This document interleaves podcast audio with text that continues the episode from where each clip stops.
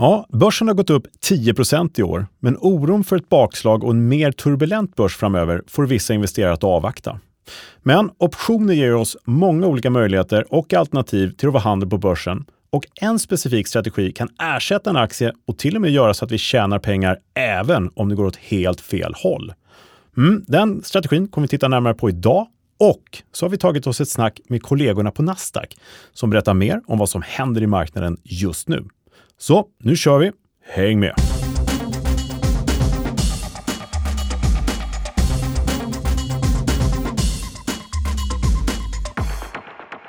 Ja, varmt välkommen tillbaka till Optionspodden. Det här är ju podden som ger dig kunskaper som ingen privat eller professionell investerare på börsen bör vara utan. Här pratar vi om börsens hela verktygslåda. Det är avsnitt 71 minsann. Och mitt emot mig står för 70 gången, för var missade ett avsnitt. Kan ha varit 68 gången till och med. Jag missat fel. Men Thomas Bernholm. Från? Nasdaq. Fortfarande? Det har inte hänt så mycket sen, sen sist. Nej. nej. Har du missat tre avsnitt? Mm, jag tror det. Då är det gäster i början. Ja, eh, just det. Det ja, stämmer Jag var borta det, på någonting och då hade gäster och sådär. Så jag tror mm. att jag mm. missat tre stycken. Ja, men det stämmer. 68 stycken i alla fall, det är dagtid. Ja, vi kan ta det som en allmän quiz till alla lyssnare. Det är ett avsnitt som säger, och mitt emot mig står inte Thomas Bernholm säga den gången. Ja, just det. Det är ett tidigare avsnitt. Nej, men varmt välkommen hit. Kul att se dig. Tack, och detsamma. Inte lika kul att vara här själv. Säga. Va? Nej, det går inte. Alltid ja. kul att se dig, Kalle. Ja, men detsamma. Mm. Hör du, eh, eh, börsen tuffar på och allt det här. Den gör ju det. Och du, jag tänkte prata om känslan om när man har fel i sin marknadstro. Det har kanske inte hänt dig just någon det, gång. Det har ju det flera Det har det, Absolut. Ja. Och om man lyssnar lite genom åren och tänker tillbaka på de som man diskuterar med som haft just fel, mm. så har de ofta haft, haft liksom väldigt fel. Inte superduper fel, men mm. det kan vara att man sitter kvar på en position länge och man åtminstone inte liksom, just det. Ja, får sin målsättning infriad. Mm. Precis. Och då är det ju bra med lite alternativ som du mm. inledde med att säga. Ja, men det är ju det. Eh, ofta kan det vara så att eh, om man tror på en uppgång i en aktie till exempel och så går den ner, då kan den tendera till att gå ner ganska mycket för att man har hamnat fel. så att säga. Det kan komma en nyhet, kan komma en, mm. kanske inför en rapport är ganska vanligt, den slår fel helt enkelt. Det kommer under förväntningarna och sådär. Så ja, kan det ofta bli eh, ja, tokigt. Mm. Och utan en bra tradingplan som vi pratar om och målsättning så gör man det klassiska i att man väntar. och sådär. Och sen så tickar ja. värdet neråt. Och, mm. Mm. Nej, men jag tror eh, överlag ska man kika på strategier som är lite mer förlåtande och sådär, som mm. ger lite andra möjligheter. Mm. Så jag tycker ja. det är väldigt spännande det vi ska prata om idag. Ja, för att eh, är det som så att man till och med, om man har så här, väldigt fel, kan man till och med tjäna pengar ändå i det fallet? Ja, det kan man ju faktiskt. Det är ju angenämt. Ja, men det är ju lite det här trick, eh, lifehack, som eh, mm. ungdomarna skulle säga, eller på säga.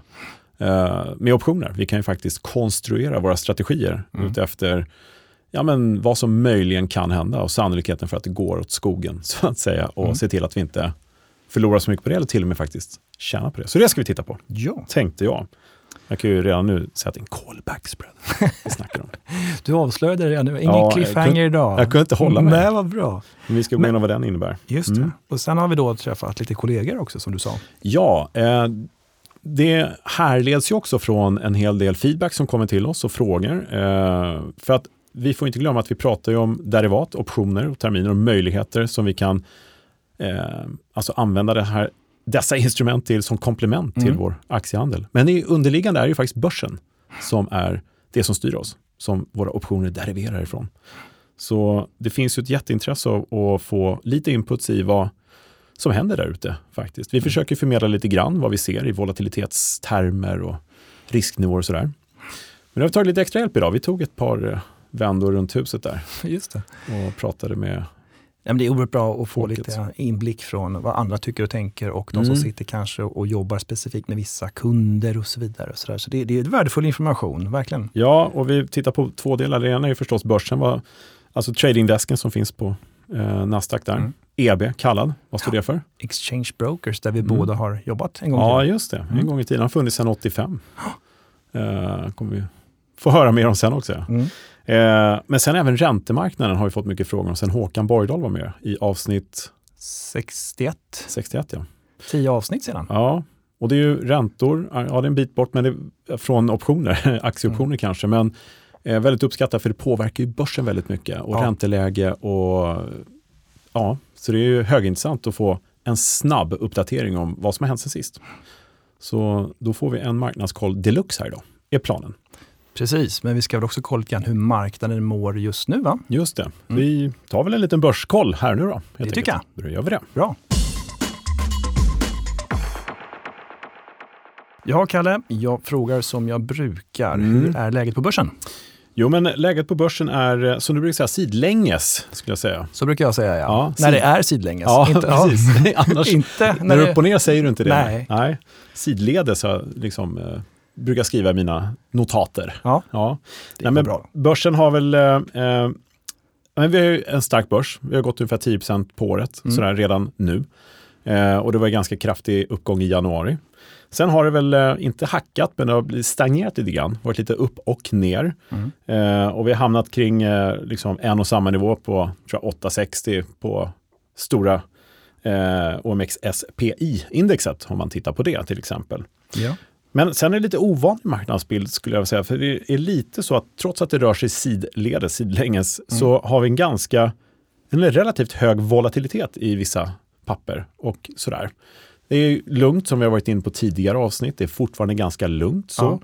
Eh, och sådär. Men osäkerheten kring just inflationen som har kommit i dagarna, det blev lite sämre väntat, ska vi höra mer om strax. Mm. Och det världspolitiska läget förstås är ju liksom hela tiden hög, högaktuellt. Och det präglar verkligen aktiemarknaden. Just det.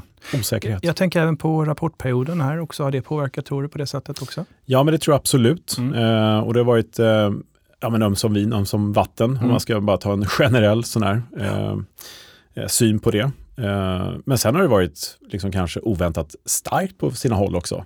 Så att ja. det har gått och spretat lite grann sådär. Tittar vi på VIX-index, risken här, så har vi ju en liten ska säga, uppgång.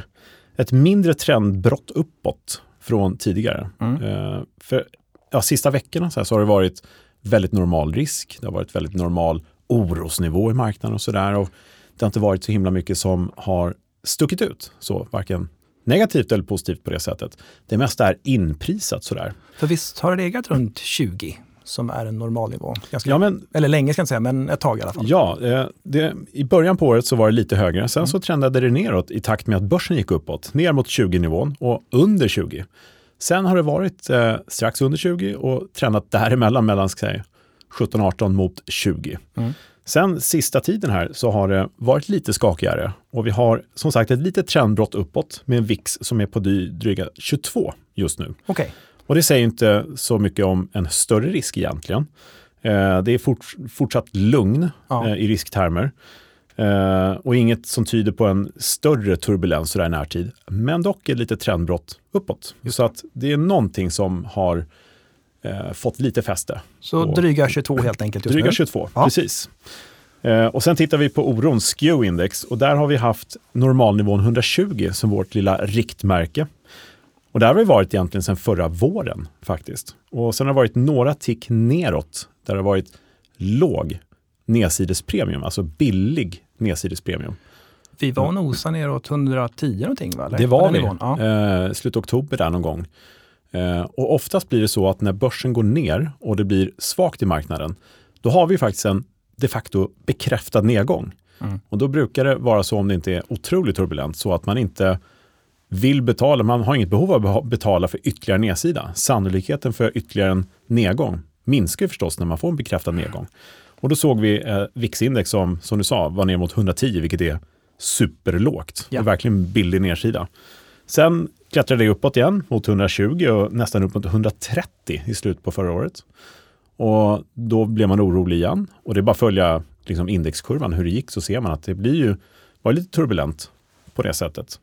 Sen i år så har det återigen blivit billigare för att sen slutligen fram till idag ha trendat uppåt. Det har blivit dyrare nedsidespremium. Okay. Och nu har vi ett eh, SKEW-index på 123. Och det är alltjämt lugna nivåer, ska man säga. Även om eh, 123-nivån är nästan årshögsta för 2023. Eh, och det är en, så är det, man ska säga, en svagt uppåtgående trend på SKEW-index. Så i det underliggande kan man väl nästan konstatera att det bubblar lite oro. Eh, men det är inte så jättemycket triggers som Nej. finns där ute som inte redan är inprisade.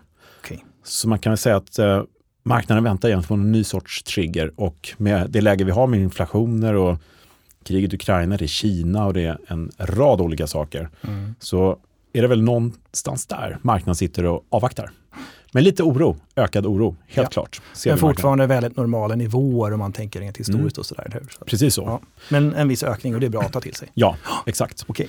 Eh, och det vi kan prata om eh, volatiliteten på VIX-index och gå in på nördnivån. Ja, det ska vi Eh, göra. Ja, Mm. eh, den är fortsatt låg, volatiliteten på VIX-index. Ja. Eh, man har inte betalat upp för premium på de optionskontrakten. Eh, och det betyder att man investerar helt enkelt inte i en spekulation i allt för stor turbulens där. Nej. Men för en vecka sedan ungefär så var det vecka sju blir det va? Så var det eh, en omsättning på just de här optionerna på VIX-index som spekulerade i majoptionen med 50-striken eh, där man köpte calls för den nätta lilla premien av 5 miljoner dollar. Mhm. Det är ganska bra betalt för en köpoption. Sen kom det callspreadar och det kom ytterligare calls för flera miljoner dollar i premium på samma nivå, samma optionskontrakt som omsattes. Okej. Det här är alltså en spekulation i att VIX-index då ska komma till 50-nivån rent i rent hypotetiska termer. Eh, och det är ju i sådana fall i paritet med coronakrisens eh, nivåer ungefär. Ja, det är en ansenlig ökning i så fall. Ja, det är, alltså det är jätteturbulent börs för att Ja. det ska nå så högt. Okej.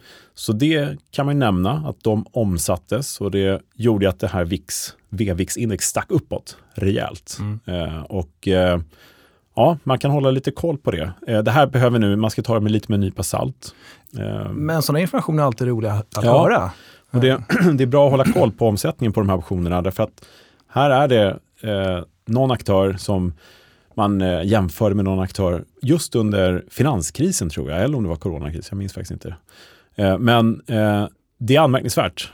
En omsättning som är ganska stor. Sen kan det vara en hedge för någonting annat. Det kan vara i förhållande till andra positioner och sånt där. Så Ja. man behöver inte bara tro att nu är det någon som vet att det ska bli turbulent. Det finns flera olika varianter. Men det är intressant att konstatera Mm. att där omsattes det. Verkligen. Okej. Mm. Och vilken nivå ligger vi på nu på VVixen här? Ja, V-vixen ligger eh, en bra bit under 100 fortfarande. Vi brukar titta på eh, ration, V-vix tillbaka, alltså jämföra med VIX-index i sig självt. Mm. Och här har vi haft en, eh, vi brukar säga att vi 6-7, om det är så pass högt, då brukar marknaden vara stark och man brukar liksom se att det finns en tendens till en överköpt marknad och positioner i de här kontrakten som gör att det nästan blir självuppfyllande för en korrigering neråt. Å andra sidan, om vi är nere vid 3-nivån, som vi har varit eh, ja, men november ungefär förra året när det hade gått ner väldigt mycket, då blir det nästan motvänt. Ja, Att just man börjar liksom, eh, investera i kontrakt som gör att det nästan borde gå uppåt istället. Och det har det gjort, det har gått upp i år och den här ration har gått från 3 upp mot 5 nästan sista veckorna. Men sen när det här hände så rasade den här lite grann ner. Det liksom finns en hedge i marknaden nu plötsligt med en jätteposition. Så den här gick från nästan 5 ner till 3,90 eller 3,96 för att vara exakt Okej. säger inte så mycket. Det är inte någon superindikation på något sätt. Men vi ser en rörelse i den ration, vilket är någonting man tittar jättemycket på eh, i USA bland annat. Mm. Och eh, det är en markant eh, trendbrott neråt i den här, vilket gör att ja, man kanske kan eh, eh, ana att eh, någonting bekräftas i alla fall. Ja. Så inga stora rörelser. Summa summarum så är det ingenting som är superduper utstickande, får man säga så? Det får man göra. Eller du får göra det i alla fall. Ja, jag, ja, vad tycker du som jobbar på Nasdaq? Ja, men jag tycker vi, vi, vi säger att det är okej. Mm. Vi säger att det är okej. Ja. Ja, Ja. ehm, och sen, eh, Har vi något ord om våra enskilda papper eller eh, kanske inget särskilt? ja, nej men eh, jag tycker så här att eh, vi har ju en hel del eh, eh, intressanta eh, liksom nivåer. Om vi går igenom alla 30 så tar det för lång tid. Så där. Vi, har, vi lägger ut dem på optionsbloggen.se. OMX-index har implicit val på 18,6. Eh, det är ganska lågt, det är ganska bra premium. Det Mm. indikerar den lugna marknad vi har. Eh, Hennes och Mauritz är många som tittar på till exempel. Här har vi 37 vol nästan med en edge som är positiv. Eh, fem punkter nästan. Det indikerar att marknaden är lite mer riskbenägna. Eller tror att det ska bli lite ökad risk. Och det du menar tiden. är att implicit volatilitet är lite högre än historisk volatilitet? Just det, Ja. man, man ökar risknivån lite grann Ja. i det pappret. Eh, man tittar även på, eh, till exempel, hade vi, många vill ju titta på SBB. Där är jättehög volatilitet på 85,2 procent. Sist vi kollade på någonting. Och där har ju en eh, edge som är ja, bara 7 procent på 85 procents implicit volatilitet.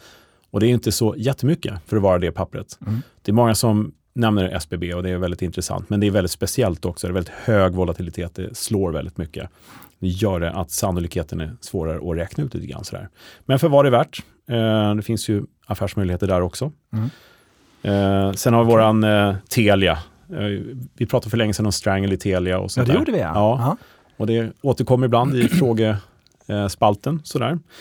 Och vi har ganska låg volatilitet i Telia på 22 procent, men den har varit lägre.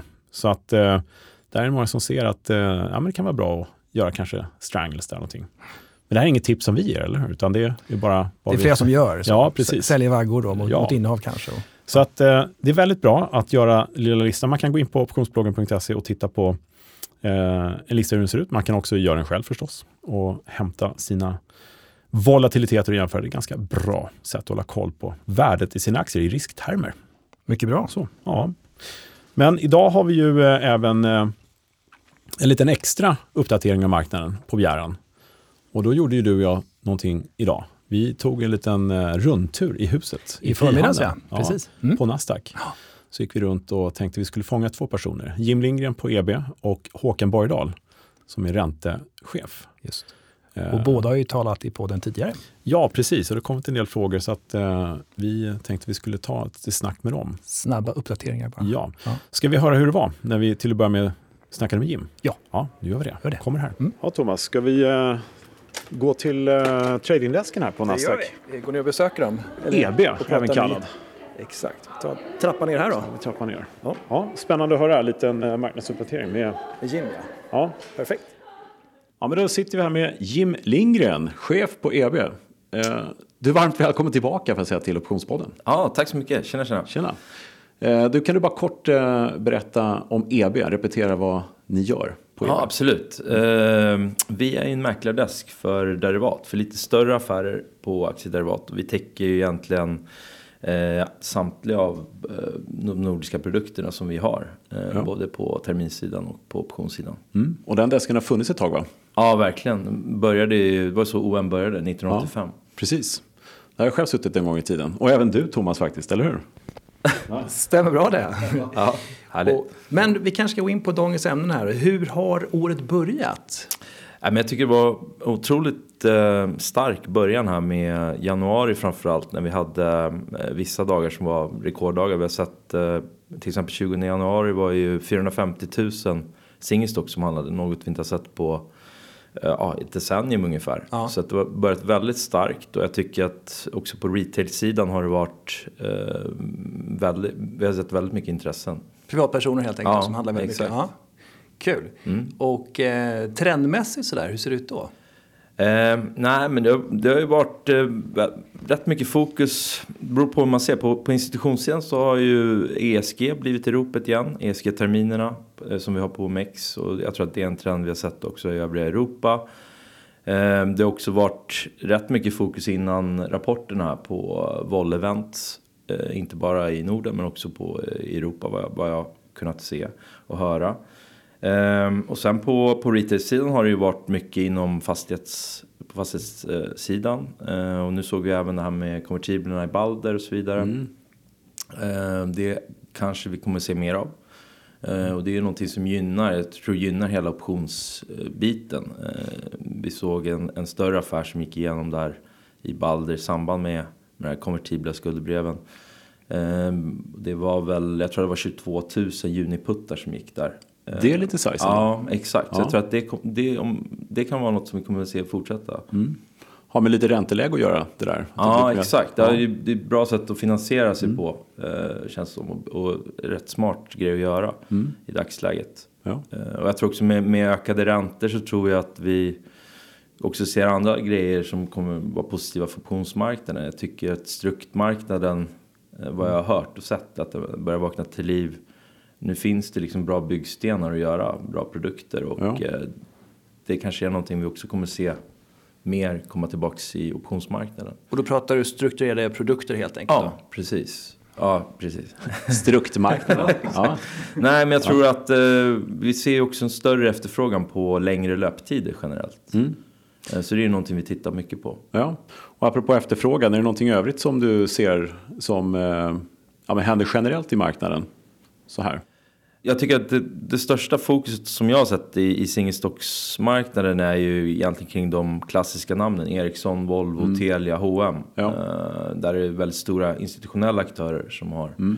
handlat i, i size. Uh, och inte bara en gång utan åtskilliga gånger. Um, så jag tror, och även en aktie som sticker ut lite grann där är Sinch. Där vi också mm. sett uh, väldigt mycket efterfrågan på. Både från institutionella och från retail-sidan. Mm, bra volla där. Ja, verkligen. Mm. Ja. Och rent eh, generellt, det är roligt att sitta i min position och prata mer från Nasdaq. Hur tror du börsen kommer gå? Nej, jag bara skojar. Alltid en svår fråga. Ja. Uh, det var länge sedan jag slutade spekulera i det faktiskt. Ja. Det känns som man alltid har fel. Eller hur? Men jag tänker så här att, uh, finns det någon känsla sådär om kunderna i marknaden? Om det är ja, kanske inte positivt eller negativt, eller hur går tongångarna lite grann? Finns det någon sån känsla rent generellt? Ja, men jag tycker liksom att eh, det har ju varit ganska länge när det har varit väldigt, väldigt starkt. Underliggande mm. styrka och jag tycker det känns som att eh, liksom många har legat snett egentligen i marknaden och varit för bassade. Ja. Som alltid. Mm. Det, det, blir ju aldrig som alla tror. Nej. Det blir precis tvärtom. Eh, mm. Så jag tror att, jag menar om man tittar också, om man tar ett steg tillbaks. Vi har haft liksom pest, vi har haft eh, krig, mm. vi har haft energikris. Ja. Eh, det är svårt att veta om vi ska ta något mer event som ska vara negativt. Vad, vad är det som ska driva börsen neråt? Ja, så jag, tror att, mm. Jag tror generellt så har ju eh, ja, folk har nog legat lite felpositionerade och, mm. och liksom jag, varit tvungna att jaga marknaden upp. Ja, just det. Ja, vi får eh, se vad det går. Bara en slutlig fråga. Eh, det var lösen i fredags. Då vet jag ju, historiskt så har det varit eh, ganska bra tryck hos er. Mm. Eller på själva EB-desken. Hur, var det, hur var det i fredags bara så här generellt jämfört Nej, med andra månader? Det var, det var en rätt vanlig lösen skulle jag mm. säga. Eh, det var inte jätte, det var inget som stack ut så. Uh, och vi har gjort väldigt mycket i de senaste, kan man säga, sex månaderna skulle jag mm. säga. Vi varit mest engagerade i, på indexsidan, på terminsidan. Ja. Och gjort mycket rullar i, i våra indexprodukter. Mm. Så det är väl egentligen det fokuset som vi har haft Eh, skulle jag säga. Ja, ja. ja, härligt. Någon avslutande fråga till eh, Jim? Thomas? Ja, jag vet ju att ni jobbar konstant också med förbättringar, initiativ inom marknaden. Så här, kan jag bara säga väldigt kort om det är någonting särskilt ni jobbar med just nu? Ja, jo, det är, det är en rad olika projekt som, som vi jobbar med och eh, jag ty, eh, verkligen positivt att vi ser över hela market making-programmet som finns för, för alla market makers. Ja, just det, spännande. Ja, mm. eh, vi har identifierat liksom vissa svagheter i det och som mm. vi kommer att förhoppningsvis se en förbättring på. Ja. Och jag tror att det kommer gynna hela marknaden. Eh, och få, så att vi får mer robusta prisbilder och eh, mm. eh, ja, helt enkelt en bättre marknad över tid. Härligt, eh, det ser fram emot en ännu mer effektiv marknad helt enkelt. Mm. Jim Lindgren, stort tack för att du var med igen i Optionspodden. Tack så mycket. Tack så, tack så mycket. Ja, tillbaka till studion här Thomas. Och, mm. ja, men alltid trevligt att, att prata med Jim från EB mm. eftersom han sitter ju verkligen mitt i smeten varje dag och pratar med de som agerar på börsen och eh, har verkligen närkontakt på det sättet. Så, pratar med alla möjliga. Ja, så att eh, det är väl en god tanke att återkomma till Jim och höra lite oftare vad som händer kring just lösen och sådana saker som vi pratar om. Jag tycker vi ska fråga honom igen snart. Ja. Mm. Men sen gick vi vidare i ja, korridoren och träffade Håkan. Ja, vi letade rätt på honom. Ska ja. vi lyssna på det också? Uh, ja, men det gör vi. Mm. Hur det lät. Yes. Det kommer här. Ja, men då säger vi välkommen tillbaka till Optionspodden. Håkan Borgedal, Head of Nordic Fixed Income på Nasdaq. Ja, tack så mycket för att jag en gång igen får vara med på er, ja. avsnitt här. Fångat dig i korridoren här lite grann för lite eh, uppföljning. Eh, du var med i avsnitt 61. Mm. kan man gå tillbaka och lyssna på och få en bra genomgång av räntan. Det har kommit många bra frågor och feedback. Så tänkte det kan vara bra läge Eftersom det händer mycket i räntemarknaden, eller hur? Så du, bara eh, lite kort, hur mår marknaden egentligen? Vilken ränta diskonteras och vad räknar man med för höjning och sånt där? Eh, ja, det är en ganska bred fråga du skjuter mm. av här. Men, men, eh, jag Svara att, smalt. Ja, nej, men alltså vi, vi Säg för lite över ett år sedan så trodde man att den här inflationsuppgången som vi har sett nu skulle vara transitory som man säger. Den skulle vara övergående, den var temporär och att det på något sätt skulle så här, rulla tillbaka till de här klassiska 2 procenten som man alltid har siktat på eller som man har legat på under lång, lång, lång tid. Och det visade sig att alltså, det där stämde inte, det var inte så. Mm. inflationen bet sig fast mycket mer än vad man trodde. Mm. Och jag tror att det finns många olika förklaringar kring det här och det är många som, som, som förstår sig på det här som gissar vad det beror på så att säga.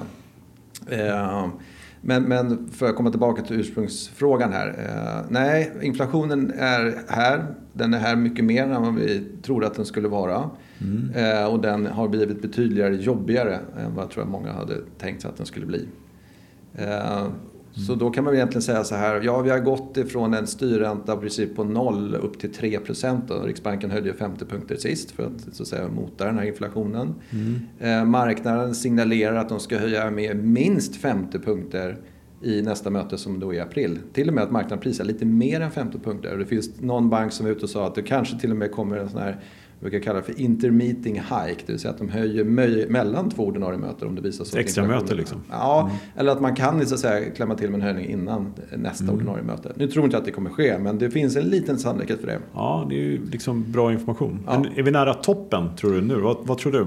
Eh, ja, de flesta tror ju att inflationen kommer toppa nästkommande månader för att sen vid årsskiftet eller strax efter årsskiftet vara nere på 2% igen här. Eh, men det är också viktigt att betona, det här är något som verkligen har lyfts fram eh, i alla medier kan jag väl tycka. Jag tror att Aktuellt ägnade närmare 10 minuter igår åt bara prata inflation och KPI-siffran som vi fick se igår här. Också huruvida mm. är den övergående eller inte övergående och liksom vad består den av? Vilka komponenter det är som driver den här inflationen så att säga. Eh, men de, är, de flesta är ganska överens och de tror inte att inflationen ska liksom dyka tvärt ner igen och att priserna ska sjunka utan att priserna möjligtvis så att säga, fortsätter att stiga men i mycket, mycket lägre takt. Då. Mm. Um, så det tror jag man ska ha med sig. Att, att jag tror inte man kommer se priserna komma tillbaka till den nivån vi kom för innan. Det är ju bara man har någon sån här riktmått när man går in i affären och tittar. Allt från kvisttomater till hårdosten i disken. Nej, men jag, har, jag, jag har det själv. Liksom. Den som tidigare kostade 80 kronor kostar nu 125 kronor. Ja. Tror jag att den kommer komma tillbaka till 80 kronor? Nej, kanske inte.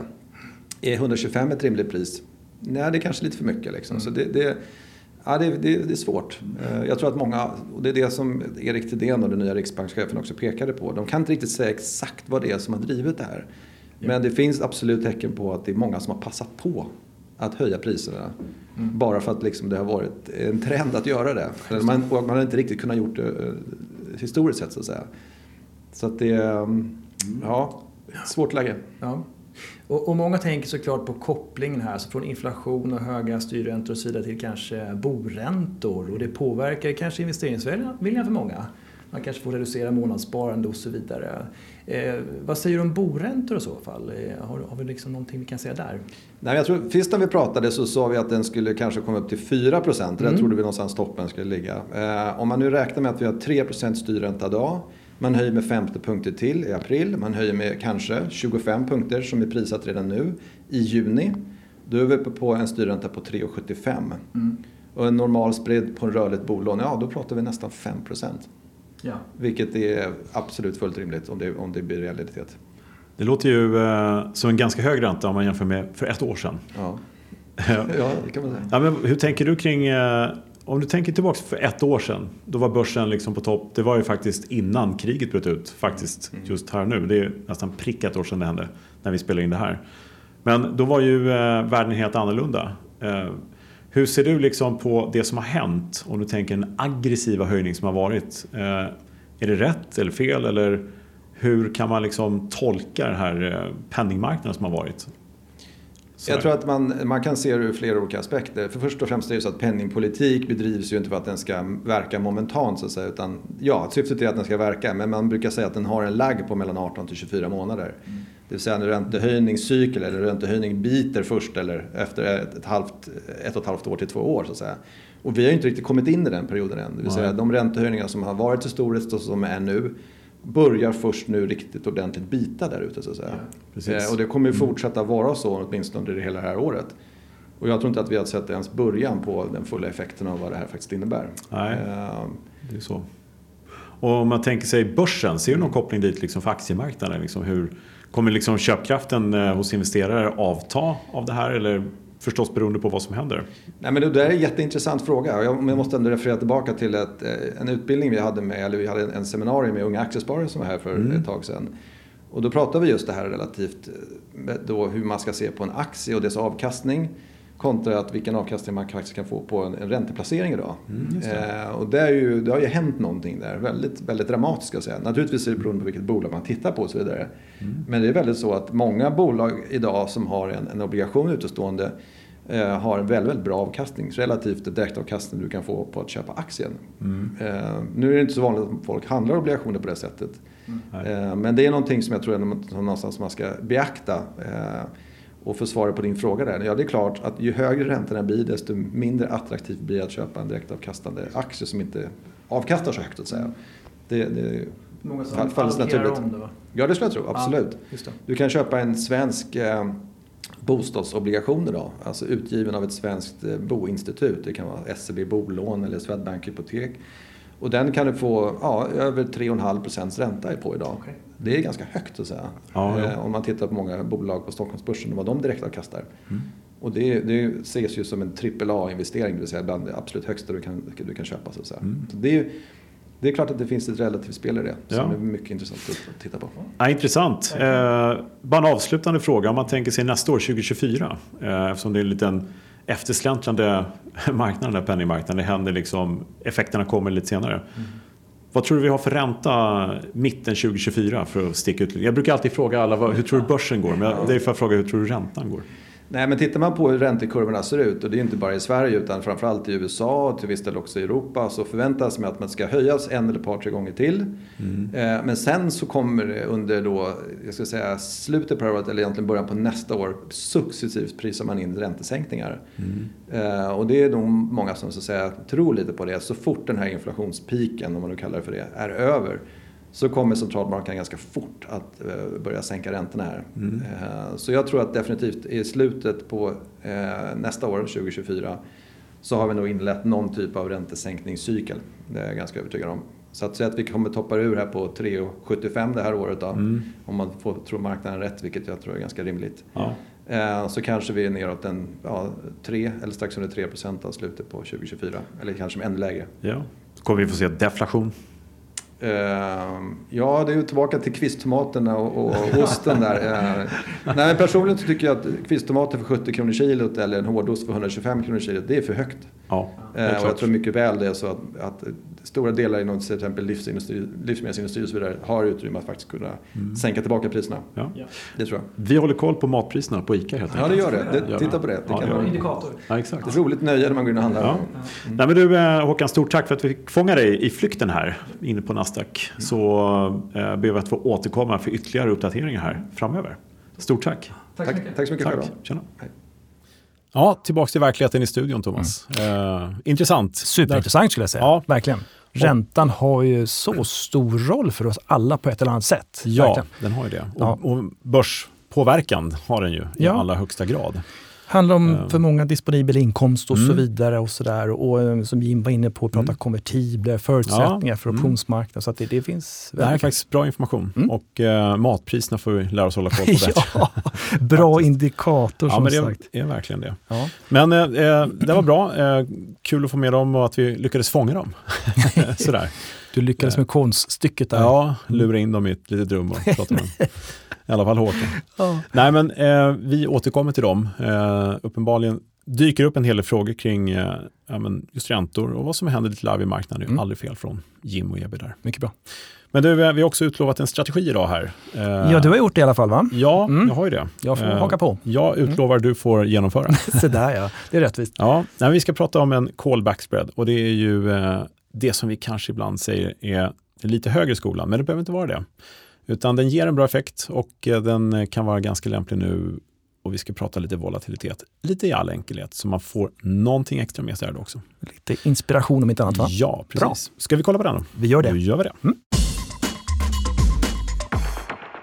Jaha Kalle, dags mm. för huvudtemat. Och du sa någonting om att tjäna pengar även om du har helt fel va? Så ja, mm. precis. Det låter väl bra? Sådär. Det, låter oerhört bra. ja, men det är ganska bra.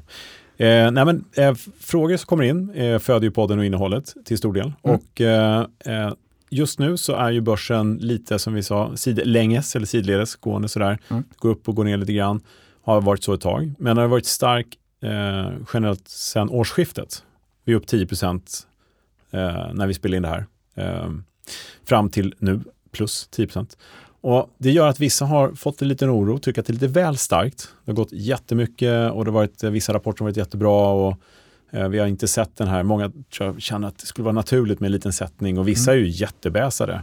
Och vi pratar om den här omsättningen på VVix, eller på VIX-index, optionen där, som eh, VIX-optionen som spekulerar lite grann i att det skulle bli väldigt turbulent. Exakt. så här finns det ju alltid, det finns alltid spekulationer upp och ner och så. Men här finns då en fråga egentligen som handlar om hur kan jag göra för att ersätta eh, köp av en aktie med en sofistikerad strategi med optioner som gör att eh, jag tjänar precis som vanligt om den går upp, men jag förlorar liksom ingenting om det går ner. Sådär. Mm. Då kan man tänka sig en, en vanlig kol och så, men det kostar ju pengar. Mm. Det kostar ju en premium och då har man en risk där.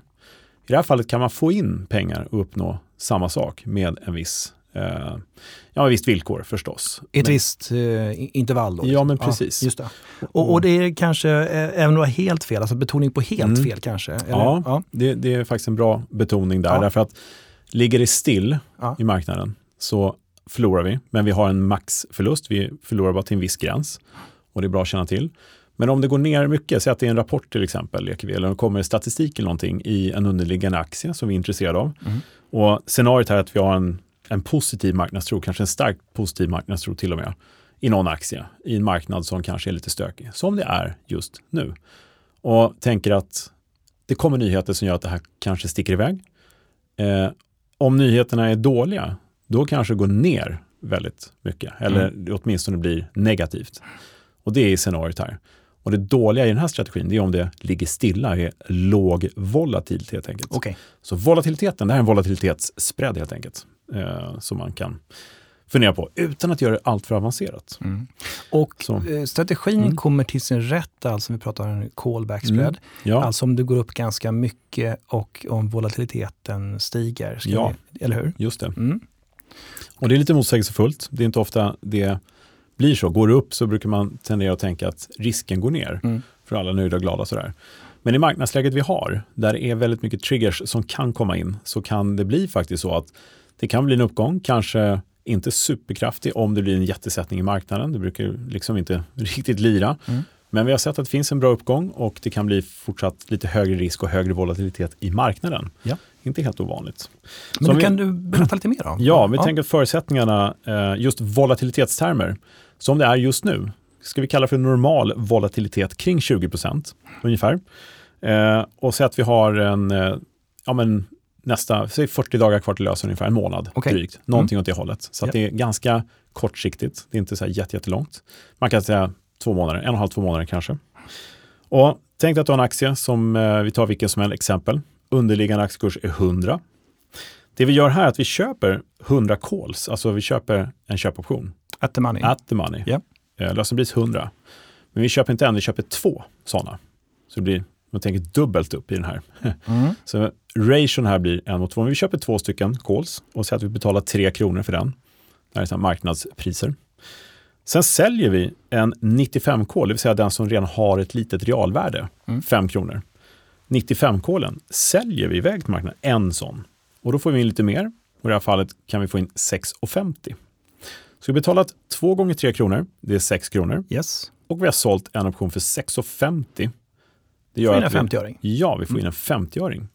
Ska man säga att det inte är eh, ovanligt att man kan få in lite mer, men det vanligaste kanske är att man siktar på plus minus noll. Sådär. Ja. Eh, men det här är liksom vad man kan göra och då ska jag bara slå ett litet slag för det jag fortfarande kallar för TMC, som heter UDS numera. Va? Och vad är det för någonting? Kan du förklara det? Tailor-made combination eller user defined strategy. Ja. Där du kan lägga in flera optionsben samtidigt och exekvera Ja. för att slippa exekveringsrisken. Och då sätter du inte optionspriserna, då sätter du helt enkelt, jag vill liksom göra som så att jag köper de här två och säljer den andra och jag vill ha in 50 öre. Mm. I det här fallet. Och när marknaden tillåter det så pang, så får du båda, eller alla tre ska vi säga, om man ska, eh, exekverade exakt samtidigt. Mm. Eller? Vilket är en jättebra service. Ja, men verkligen. Men det får man ringa in i sådana fall än så länge. Precis. Och vad händer med det här då? Vi har ju, eh, det blir ju break-even-punkter på det här. Och det blir faktiskt två stycken eftersom vi har, jag säger tre kontrakt, det är egentligen två kontrakt men det är dubbelt så många av den ena. Det ger oss eh, två stycken break-even-punkter. Och om du tänker dig eh, på nedsidan så har vi ju 95 som ger oss en förlust på 500 kronor. Mm. Men vi har ju 50 öre in. Så break-even-punkten här blir 94,50. Does that make sense? Mm. Så ner till 94,50 så är vi break-even. Och på uppsidan 104,50. Eftersom mellan 95 och 100 har vi 5 kronor i spreaden. Och vid 105 så har vi liksom 50 öre därifrån så blir det 104,50. Mm. Does that make sense? Yes. Ja. Så det här är förstås som alla andra strategier vi pratar om. Man får ju förstås sätta sig ner med papper och penna och räkna så blir det tydligt. Och sen så vad vi inte kan erbjuda i optionspodden är ju den visuella synen av grafen. Sådär, kan vi tyvärr inte göra. Kan du kanske lägga ut en bild? eller? Ja, men det kanske jag kan göra. Ja. Mm, Mm. Faktiskt. Uh, den kan vi lägga ut på Instagram kanske. Det är bra, så får vi fler följare dit. Ja, ser du, så här, du vet inte hur man gör det, eller? Vad elakt. Ja, det var elakt. Det var faktiskt väldigt, Nej, det- Det, det var väldigt elakt. Ja. Ja, nej, men det fina här, maxförlusten eh, är ju 450 kronor eh, och det är ju ett läge när aktien står helt stilla som vi pratade om. Det är om aktien står i 100 kronor. Mm. För vad händer då? Då kommer våra köpta 100 calls vara värda noll. Men våra 95 calls vi har sålt, där förlorar vi ju 500 kronor. Det är fem punkter ner. Det är fortfarande in the money, 5 kronor. Mm. Och vi hade fått in 50 öre. Så då får vi tillbaka 50 kronor i alla fall. Så vår maxförlust, vad som än händer, är aldrig större än 450 kronor i den här. För ett mot två kontrakt då ja. Exakt, Mm. precis. Den, exemplet. eh, precis, den Just det. backspreaden.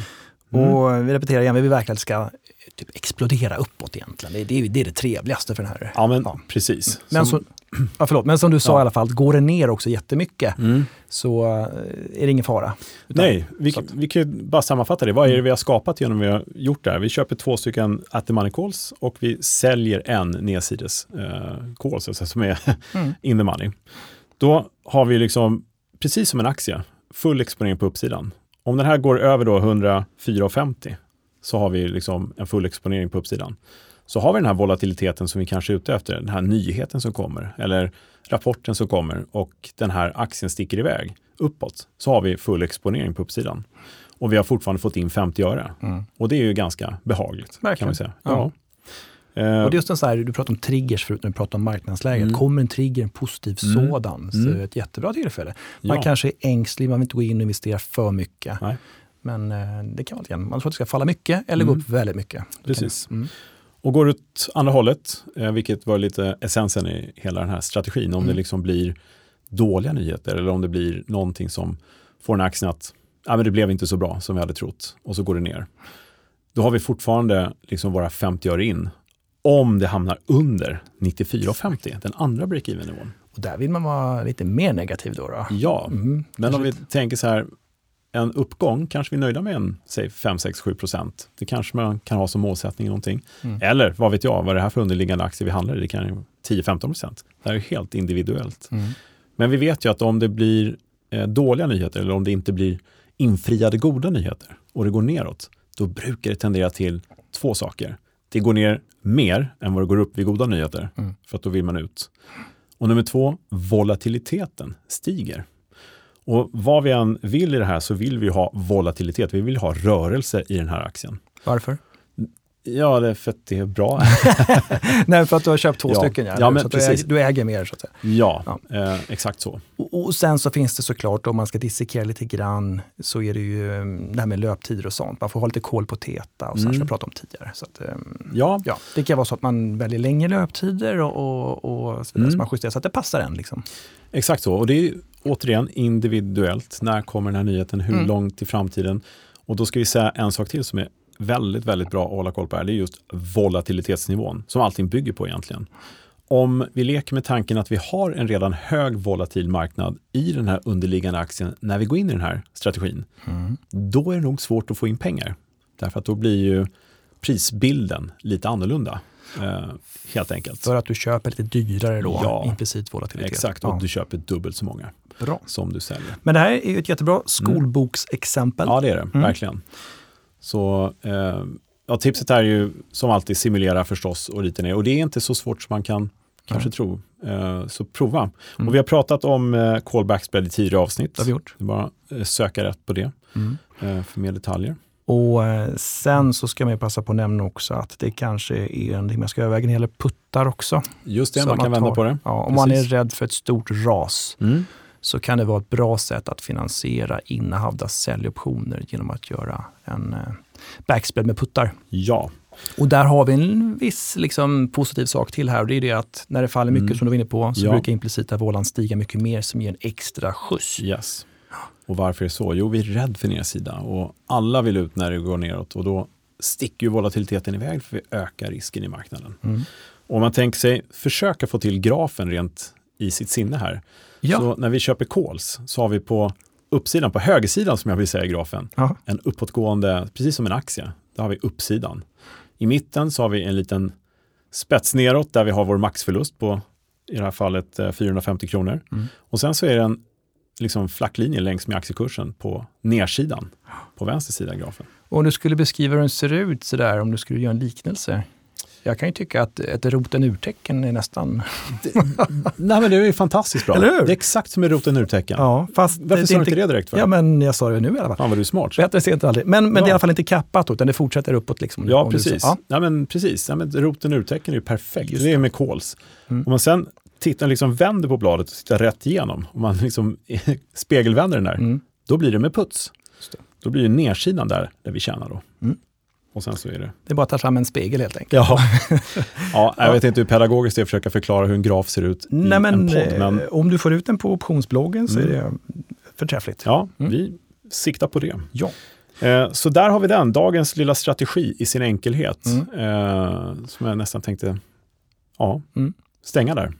Ja, nej men sagt, ja. jättebra. Och eh, tänk både i termer av eh, calls och puts. Och, och mm. mm. Man kan ju tweaka dem och variera löptider, eh, ja. lösenpriser och så vidare. Här kommer vi in till call ratios och put ratios också, mm. motsvarigheten. Alltså det, de som går emot våra backspreads gör ju faktiskt ration. De eh, köper en och säljer två då. Och eh, här har vi ju väldigt fina, bra sofistikerade strategier i olika scenarion som jag tycker man för den som är intresserad och känner sig manad kommer ha otroligt mycket nytta av att förstå sig på de här. Mm. Om man bara ritar upp dem, grafar ut dem och sen simulerar i ett Excel-ark eller någonting. Det där Så. tycker jag är väldigt bra sagt av dig, Kalle. Mm. Att, eh, alltså, ja, för en gångs skull. Ja, jag skojar. Tack, tack Förlåt, ja. jag skojar verkligen. Mm. Eh, nej, men just att tänka sig motparten, det omvända. Ja. Det kan vara alltså en köpt ratio spread och det kan vara ratio spread mot innehav eller vad som helst vi brukar prata om. Och så man, man, man mm. förstår vad motparten så att säga har mm. för position. Ja, just det. Mm. Nej, men, I min skolade värld så är det en ratio backspread. Mm. Eh, köper man spread då är det en ratio, säljer man ratio då är det en backspread. Så, eh, ja, så kan man fundera för att det finns ju en motpart mm. i alla affärer. Och, mm. så, ja, men bra. Så, så att eh, det här har ju, det är lite volatilitetsspread avslutningsvis igen, så att det handlar om att när man går in i den här så vill man ju gärna att volatiliteten ska öka. Sådär. Just. På tradingnivå så är det ju Inget sidlänges där inte. Nej, inte sidlänges här, det vill vi inte ha där. Bra. Det vill vi kanske i ration däremot. Okay. Men det får man Bra. hitta själv i sin simulering. Yes. Men hör du, eh, då så, då har vi haft eh, både lite gäster, vi har dagens strategi. Mm. Ska vi kolla lite frågor till podden? Det har kommit, ja. kommit några sådana. Det gör vi. Som vanligt. Bra. Då kollar vi det. Ja, Kalle, är det dags mm. för tre snabba frågor igen? Ja, det brukar vara vår lilla mängd frågor vi brukar känna att vi hinner Lite lagom sådär. Ja. Mm. Eh, nu ska vi se, Erka har frågat det här. Vad innebär den faktiska volatiliteten? Ganska bra fråga faktiskt. Vi pratar ju oftast om den historiska och den implicita volatiliteten, men vi nämner nästan aldrig den faktiska volatiliteten. Det får du utveckla. Ja, det är ju inte egentligen svårare än så att det är vad det faktiskt blev på slutändan. Det är egentligen det vi vill veta idag. Mm. När vi sitter och sätter ska säga, den implicita volatiliteten genom mm. att spekulera i en prisbild på börsen. Det är där vi handlar just nu. Då skulle det vara guld att veta vad den faktiska volatiliteten blir där ja. framme vid slutdagen. Är det lite grann som facit? Ja, men lite så. Ja. Så det blir lite ett nyckeltal som man kan använda sig av och sen jämföra med hur man trodde, hur man agerade, hur man värderade och sen så okay. har man lite utvärdering den ja. vägen. Så den faktiska volatiliteten, det är egentligen vad som händer på slutdagen, där det faktiskt blev. Kort och gott skulle jag säga. Sen ja. kanske det finns andra som använder det på ett annat sätt, men inte vad jag riktigt Man känns kan säkert fördjupa sig ytterligare, Jo, men ja, det det, var man en bra man förklaring. Så att eh, det är den faktiska volatiliteten. Erka. Eh, Susanne har frågat, hur har man kommit på prissättningen av optioner? Mm. Och det är en väldigt kul fråga. Ja, men alltså, jag vet att du skapade också en film för ett gäng år sedan. Ja, det där du det. står och eh, ja, smälter is eller vad du Mm. gör, eller någonting. Det stämmer det. Ja, Ja, eh, vad gjorde du, eller vad, vad var det där för någonting? Det, det var någonting med det. Ja, men det, det är en kul fråga och det kommer en del frågor om Black and Scholes. För Ja. det är ju den vedertagna formen som skapades 1973 Ja. Av Fisher Black, Myron Scholes. Som, eh, eh, är en differentialekvation som man stoppar in fem parametrar i och sen så utkommer ett teoretiskt optionsvärde. Och det är ju matematiskt allting. Ja. Den använder man idag sedan dess jättemycket. Ja. Men hur kom man liksom fram till den? Hur gjorde de? Menar du att de inspireras av någonting annat? då Mm, kanske? det gjorde de. Ja. Av hur is smälter, jag tror det var på Antarktis. Så då hade massvis med beräkningar, hur, hur fort smälter isen Ja. på Antarktis? Fanns det formler för det? Och med inspiration därifrån, nu får ju någon hugga huvudet om mig ifall Ja. det här är helt fel, men jag, jag, Ja. det här är en vedertagen story. Okej. Eh, med inspiration från den beräkningen så skapade man helt enkelt beräkningen i teoretiskt värde för ett derivat, en option till exempel, Mm. som ju går mot sitt förfall, smälter bort kan man ju säga. Tidsvärdet där ja. Tidsvärdet ja. Ja. Och alltid värt noll på slutet, precis som isbiten smälter. Ja. Så i min lilla instruktionsfilm från, som ligger på optionsbloggen.se om oss eller någonting sånt där. Den gör det? Ja. Ja, kul. Ska jag Där. kolla på igen, Ja. det var länge sedan. Där är isbiten som smälter. Liksom. Mm. Så att, eh, hur kommer man på prissättning av optioner? Ja, det är alltså en matematisk formel som har skapats som heter Black and Scholes om man inte känner till det. Eh, och det är en massa krumelurer i den formeln och det är olika funktioner. Man kan tänka sig att det är fem stycken kugghjul av olika storlekar. Drar man lite det största blir det många varv på det minsta och tvärtom. Och sådär. Mm. Ungefär. Så- Och det kan ha inspirerats, en viss reservation här, det kan ha inspirerats av det här issmältnings. Ja, precis. Det låter ju logiskt i alla fall. Ja, men verkligen. Ja. Så kul fråga, men Mm. det kommer ibland. Black and Scholes-frågor. Och det går att ladda ner enkla skulle jag säga. Googla eh, Black and Scholes Excel eller någonting sånt där så Mm. finns det massvis med ark man kan leka med det om man är intresserad. Mm. Eh, sen har Kent frågat så här. Eh, hur vet jag att det finns någon som vill gå emot min optionsaffär? Att det finns ett pris i marknaden? Frågetecken. Det är också en bra fråga. Eh, det är någonting som man kan få när man berättar om hur optionsmarknaden fungerar och att man till exempel ska göra en covered call eller någonting. Man säljer rätten till någon annan i en köpoption. Köpa aktier av oss till ett visst pris och sådär. Så kan man få fråga, men hur vet man att någon verkligen vill eh, köpa den optionen som vi utfärdar? Ja, det är en bra fråga, men då finns ju då så kallade market makers. Just. Jag var ju en market maker en gång i tiden Mm. och då har man ett jobb som går ut på att bara ställa priser i marknaden. Kvoterar, så att man ser ju då när du har en prisbild så har du Mm. en motpart där. Ja, Men det finns ju ofta möjlighet till att handla innanför spread och sådär också. Så att man kan ju Just det. försöka bättra på priserna till ens fördel. men en market maker, för att förtydliga, har ju ett avtal med just dig på Nasdaq. Inte just mig, men med Nasdaq. Ja, med Nasdaq ja, eh, börsen. och se till att ställa priser i ett, eh, eh, ett antal serier Mm. som är nära at the money, nära aktiekursens lösenpris Mm. och upp och ner. Lite grann som Jim berörde tidigare också. Mm. Precis, så att eh, det, kort och gott ska jag säga att det ska finnas ett pris.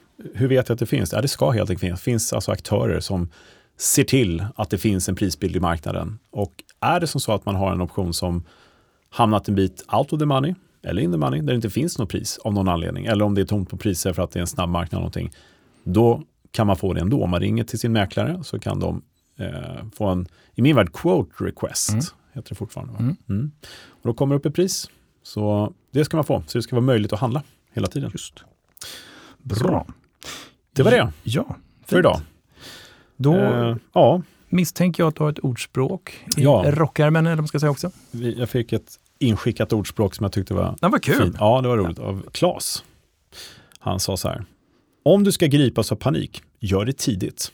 Ja, ja. Ja, punkt slut. ja. Peter Lynch såklart. Han är ofta förekommande i ordspråken här. Och det är lite grann att eh, eh, avdelningen med optioner kan ju undvika paniken helt och hållet. Tycker jag var lite fint. Mhm. Varför inte? Genom att typ hedga lite och sådär. Ja, precis. optimera. Ja, precis. Jag tror att det var så här, eh, Peter Lynch, vad han menade med att eh, om du ska gripas av panik, gör det tidigt. Du menar, få panik innan alla andra, för då säljer de för dig och då Mm. blir det inte så bra pris du får sälja på sen. Mm. Så panikera först, då får du sälja på toppen och sen går det ner. Lite så. Mm. så att, eh, och Inte det, helt enkelt kanske göra verkligheten. nej, det är inte, men, det är, hela grejen, det går ju inte liksom. nej. Man panikerar när alla andra panikerar. Ja, men eh, tänkvärt. Jag tror det finns ett klipp om det där faktiskt när jag tänker efter. Det här när någon går på stan. Eh, så här flash-grej. När Mm. ett gäng går och blir livrädda för någonting som ramlar ner från skyn och tittar upp och bara springer. Vad vill alla omkring självklart springer också. De tar ju säkra för osäkra rent Ja. instinktivt. Och lite så här, så funkar det på börsen också. Spelar ingen roll vad nyheterna säger. Säljs det, ja då säljer vi också. Ja, psykologi. Just. Men det tar vi upp framöver också, för det är väldigt påverkande. Nej, tack för det Klas, tack för ordspråken och tack för alla frågor. Eh, fortsätt skicka in saker. Eh, vi gör vårt bästa för att svara, som vi brukar säga. Eh, men vi läser allt, självklart. Dags att avsluta Thomas, dagens eh, ja, Dag- dagens- avsnitt. Avsnitt nummer Mm. 71. Nummer 71 ja. Har du något att tillägga? Något klokt? Nej, det är som vanligt. Jag har inte så mycket. Nej. nej. Nej, men du brukar alltid Ja. också prata lite grann. Eh, källor till mer kunskap. Mm. Mm. Vad har vi då? då? Optionsbloggen har vi nämnt. Ja. Optionspodden pratar vi just nu. Det borde Mm. man känna till då. då. Men eh, optionsplay.se, Mm. optionskurs.nu, det är en Ja. gratis kurs. Precis. Jättestort intresse fortsatt, jättekul. Ja, det är kul. Det händer grejer Ja, faktiskt, kan verkligen. vi liksom bara nämna sådär Mm. i förbifarten. Många fler eh, retail eller privatpersoner Mm. då som har börjat handla. Och Ja, och Superkul. det är bra därför att eh, då blir det liksom ju fler som handlar desto mer eh, effekt kan vi få på att göra bra grejer och sådär. Så Ja. att, eh, ja, det kanske händer lite roliga grejer framöver. Men så att det är bara handla på. Ja. Och sen är du professionell aktör, sitter och lyssnar. Nasdaq.com snedstreck derivatives bindestreck academy. Mm. In och kika på sådana kurser också. Det Ja. finns massor. Mm. Är det något mer du vill sälja? Nej, sälja, jag säljer ingenting ännu. Ja. Men din, eh, du brukar prata om din op eh, optionsgrupp på Facebook va? Ja, just det. Optionshandel på börsen om man Mm. vill snacka optioner. Mm. Den är lite härledd till den här gratiskursen. Man kan ställa frågor om den och komma med i det communityt, alla som är med där. Och det är några tusen nu. Mm. Så att det, Och Instagram har du nämnt lite grann här. ja, Instagram, ja, optionspodden på Kommer i en Instagram. glidning. Mm, Ja. Lite så. Ja. Och Twitter att se Björkegren. Men så här dags tror jag att alla har stängt av, för de vet att vi bara försöker säga massa Tror du det? Ja. webbadresser och massa... Kanske finns någon kvar. Ja, möjligen. Tapperhetsmedalj till den. Du som har, vi kan säga, du som är kvar, skicka ett e-mail till Thomas Bernholm på Nasdaq. Så får du någonting fint tillbaka. En du? hälsning, Ja. få ett hjärta tillbaka i mejllådan. För det här avsnittets bästa lyssnare. Ja. Punkt slut. Med det sagt, stort tack för idag. Ja. Eh, Tack vi, alla eh, lyssnare. återkommer snart i etern. Mm. Så hörs vi. Ja, ha det Ja, fint. samma. Bra, tack. Hej. hej.